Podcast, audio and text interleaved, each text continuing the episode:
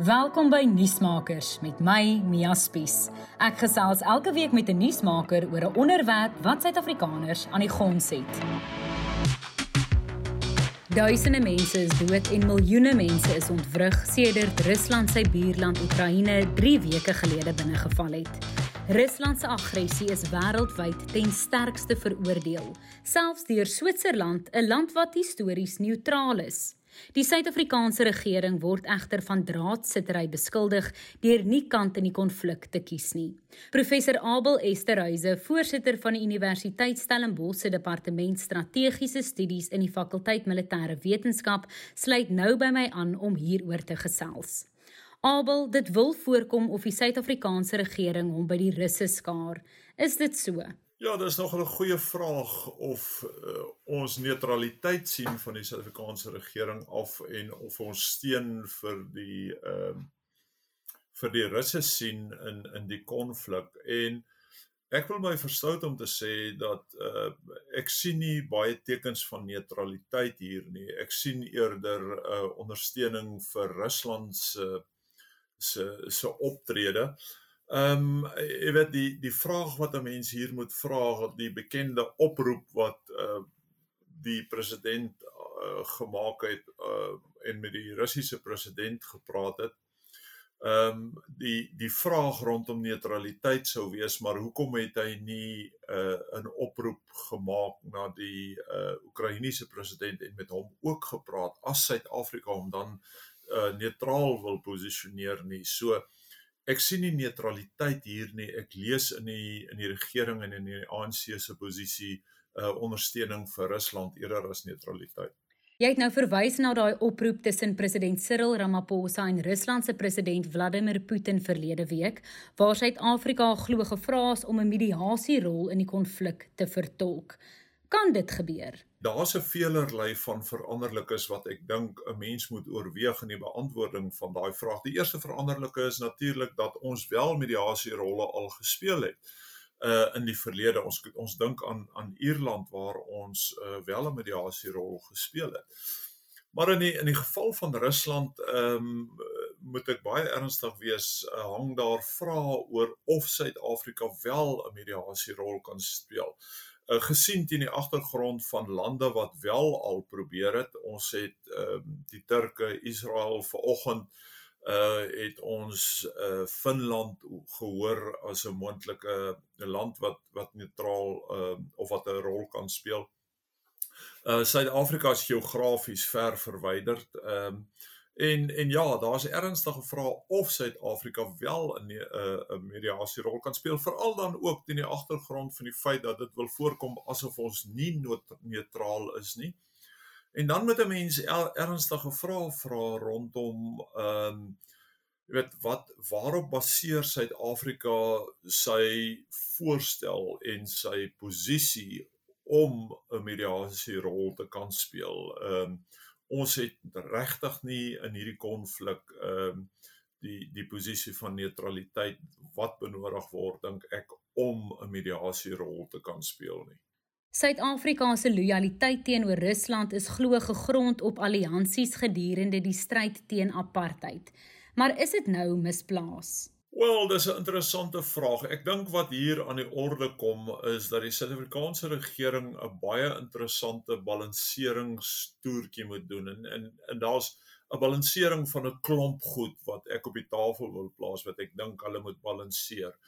Uh, die eerste balanseringsaksie is die historiese versus die die resente, jy weet die die historiese verhouding wat die ANC met die voormalige Sowjetunie gehad het teenoor die resente posisie van van 'n demokratiese Suid-Afrika waarin die ANC die regering is en waar die uh die die entiteite die die die die state wat die voormalige Sowjetunie opgemaak het eintlik in konflik is met mekaar. En en so daar's 'n spanning vir my tussen die historiese realiteite en en hoe die ANC kollektief en en institusioneel wat sy institusionele geheue betref omgaan met die historiese en hoe die resente daar uitspeel. En en daardie balanseringsaksie het ek nog nie baie genuanceerd sien uitkom in die ANC se se posisie rondom rondom Rusland en die Oekraïne nie. Daar's ook vir my 'n balanseringsaksie rondom die moraliteitsissue, die issue aangeleentheid. Uh, hoe balanseer jy moraliteit versus loyaliteit? Daar's ooglopend 'n loyaliteit uh tussen die ANC as as regerende party ehm um, en en gevolglik ook die Suid-Afrikaanse regering en Rusland. Ehm um, en 'n mens moet dit balanseer met die moraliteit van Rusland se aanval op die Oekraïne ehm um, wat uit 'n volksregtelike oogpunt ehm um, eintlik as 'n as 'n onwettige daad sal staan in die geskiedenis dink ek. So hoe die ANC omgaan met die balansering van moraliteit versus loyaliteit is vir my 'n geweldige problematiese ehm um, aangeleentheid. En dan is daar 'n balansering van landsbelang teenoor partybelang. Uh wat behoort Suid-Afrika se posisie te wees? Uh, met ander woorde, wat behoort ons ons belang as as land te wees binne die konteks van die internasionale politiek en waar moet ons ons posi gaan posisioneer um, in terme van ons belang as Suid-Afrika binne die internasionale politiek? en waar die ANC as party uh, homself wil posisioneer ten opsigte van sy belange in die internasionale politiek en daar's vir my 'n 'n spanning rondom uh, landsbelang vis-à-vis partybelang ook. En dan laastens uh, dink ek daar's 'n daar's 'n ernstige 'n kommerwekkende vraag wat hang rondom die idee van belange vis-à-vis die die idee van beginsels en ons het 'n ons het 'n bietjie van 'n begins van 'n spanning hier tussen belange en beginsels. En kom ek noem 'n voorbeeld. In beginsel was die ANC se buitelandse beleid uh vanuit die die Nelson Mandela era af nog altyd baie sterk uh begrond in in menseregte, human rights. Um En en dis 'n beginsel wat nog altyd Suid-Afrika se se buitelandse beleid onder lê. En en dan wil jy dit gaan balanseer met die ANC se se wat voorkom as belange wat hulle in in Rusland het uh, of dit nou historiese belang is of uh, ek wil amper sê mediese belang want ons ons sien ons ons beleidsmakers gaan deesdae Rusland toe vir mediese behandeling. So daar's 'n daar's 'n ernstige vraag rondom die spanning tussen belange en beginsels en hoe jy dit balanseer. Op daai noot, die DA-beheerde Wes-Kaapse regering het wel standpunt ingeneem en Rusland se optrede skerp veroordeel, soveel so dat premier Allan Windey alle vergaderings tussen staatsamptenare van die Wes-Kaap en Russiese diplomate verbied het. Die ANC in die Wes-Kaap het weer op hulle beurt Windey daarvan beskuldig dat hy 'n parallelle staat probeer skep. Kan 'n stuk of 'n deel van 'n land gekant wees teen byvoorbeeld Rusland en 'n ander deel nie? Ja, dis 'n interessante vraag en ek dink dit dit uh, reflekteer iets van die die Suid-Afrikaanse regerings ehm um, raamwerk want 'n mens moet in gedagte hou dat die DA uh, is die oppositieparty in die parlement, die hoof oppositieparty in die parlement. En uh, die DA van die beginselstandpunt uh, kan 'n mens uh, verstaan dat hulle sal standpunt inneem teen Rusland se uh inval in die Oekraïne. Hulle is uh, tot 'n groot mate toe 'n liberale party en ek kan ek het begrip vir hulle standpunt vanuit 'n liberale perspektief vir die verbreeking van uh, internasionale regsreëls deur deur Rusland. En dan moet 'n mens vir jouself gaan vra maar hoe gaan die DA homself uitdruk? Hoe gaan die DA homself laat geld in terme van sy uh partystandpunt en sy sy oppositiestandpunt teen die regering. En ek dink die die een manier wat hulle dit uh kan doen en wat hulle inderdaad gedoen het was om in die provinsie wat hulle aan die aan die aan die regering is uh, dood eenvoudig te sê maar wat ons en en en ons regering aanbetref in in die Wes-Kaap ehm um, het ons uh, duidelike 'n standpunt ingeneem teen teen Rusland En ek dink nie daar's ernstige jy weet konstitusionele krisisse rondom rondom die DA se benadering tot goed nie. Mense kan verstaan dat die ANC ongelukkig sal wees daaroor. Uh dis dis meer 'n geval van ehm um, hulle hulle moet as regerende party 'n uh, tipe van ongemaklik wees daaroor want dis die oppositieparty wat uitkom sterk in oppositie teen die regerende party.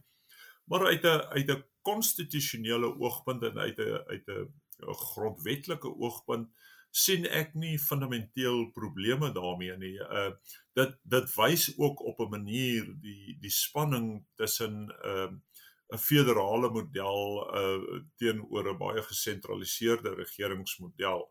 Ehm um, en dis iets wat ons in die Wes-Kaap toenemend uh, sien ontvou dat daar baie sterk ehm um, tipe van 'n federale model aan die ontvou is waar die Wes-Kaap toenemend homself uh opstel as ehm um, ek wil amper sê 'n oppositie van die ANC se se nasionale regering 'n mens hoef dood eenvoudig na goed te kyk soos die die kwaliteit van regering um, in die Wes-Kaap teenoor die die ander provinsies en ek weet dis 'n baie kontroversiële ding om te sê maar ehm um, ja daar's nie 'n inherente uh, grondwetlike krisis hier nie maar ons ons sien tog die die interessantheid en die dinamika van van ons grondwet uh, hier aan die orde.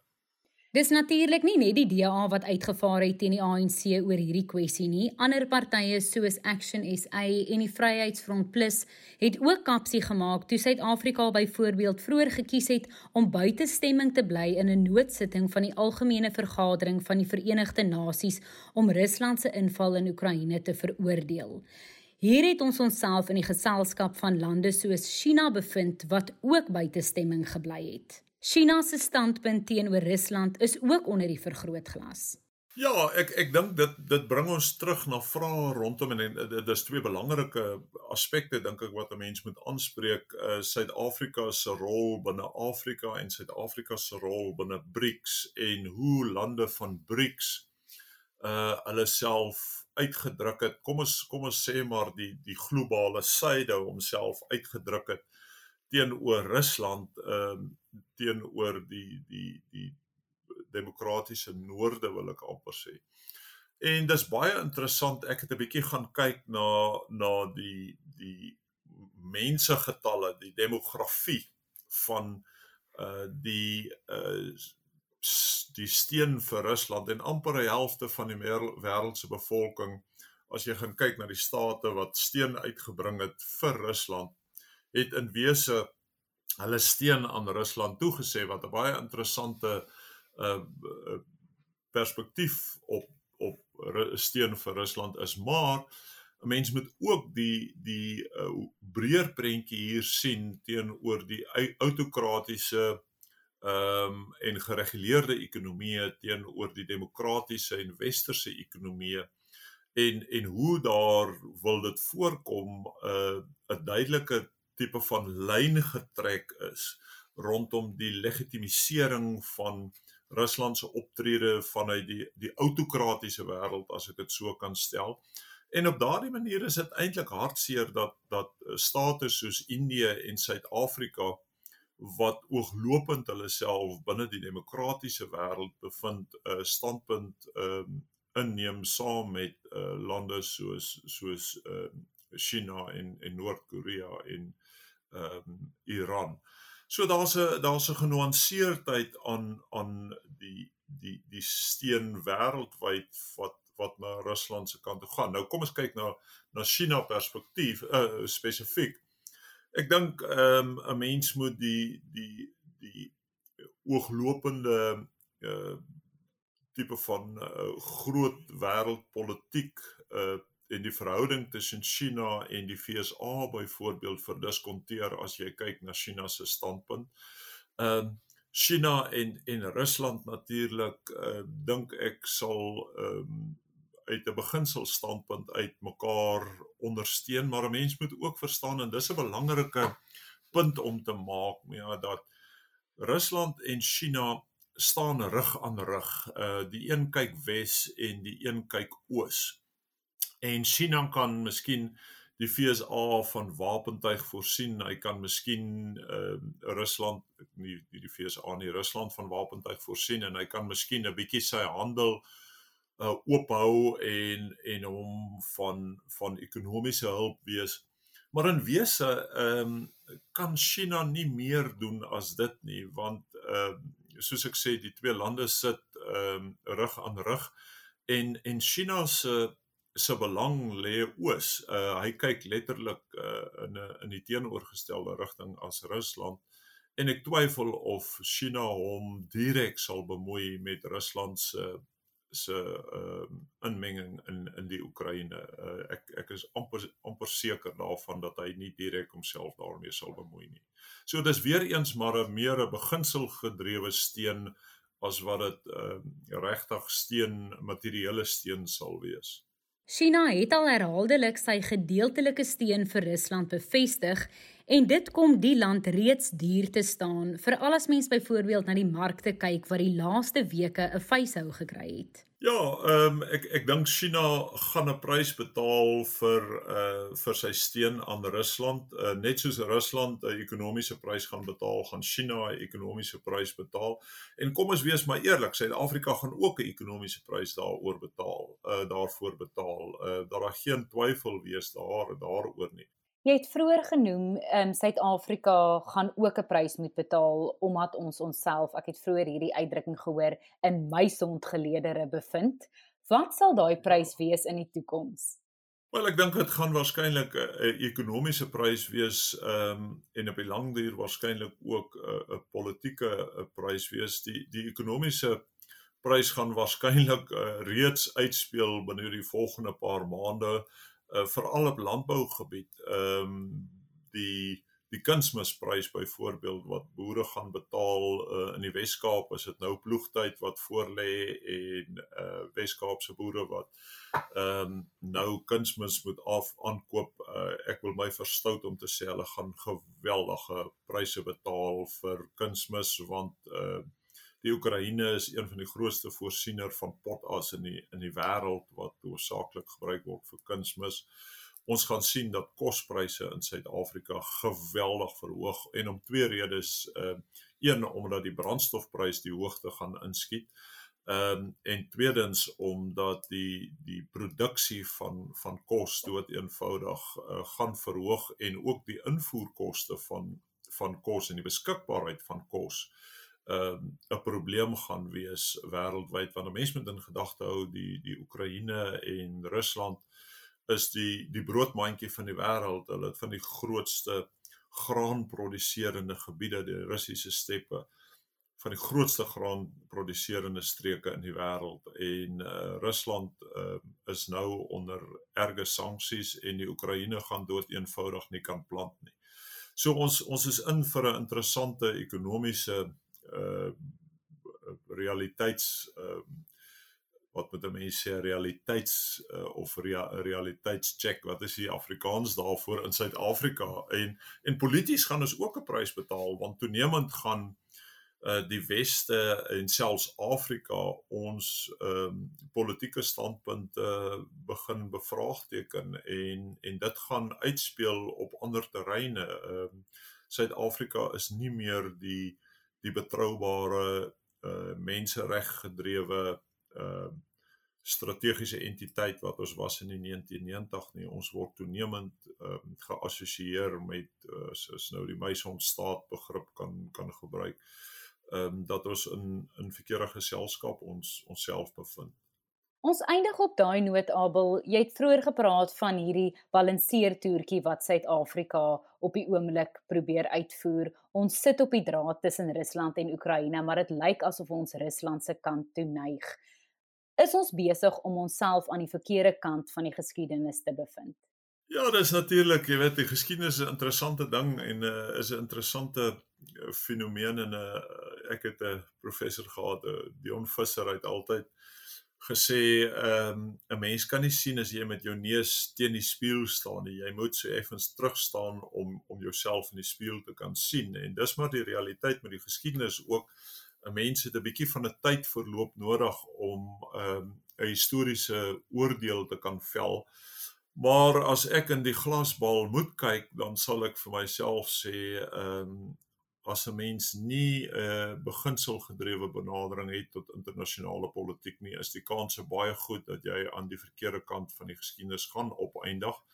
En ek dink dis presies wat ons gaan sien uitspeel uh, in terme van Suid-Afrika uh, se posisie, jy weet jy, jy kan dood eenvoudig dink aan hoe uh lande wat nie 'n beginselgedrewe benadering het tot internasionale politiek in die 1930s se lande verbrand het met hulle steun aan aan Duitsland uh in die in die aanloop tot die Tweede Wêreldoorlog.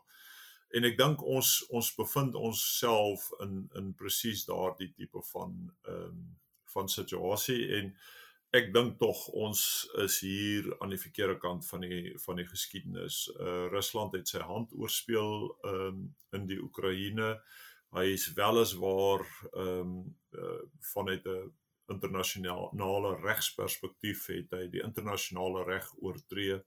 Beide die use ad bellum en die use in bellum is daar ernstige vrae oor. Ehm um, so ek dink Suid-Afrika bevind homself hier uh, in die in die verkeerde kamp as as ek my oordeel mag uitspreek Nuusmakers met Mia Spies is 'n produksie in samewerking met die Potgooi Produksiehuis Volume. Ons vervaardigers is Roland Perolt en Kairen Blau. Moenie volgende week se episode misloop nie wanneer ek weer by 'n kenner aanklop om lig te werp oor 'n kwessie waaroor ons meer moet weet.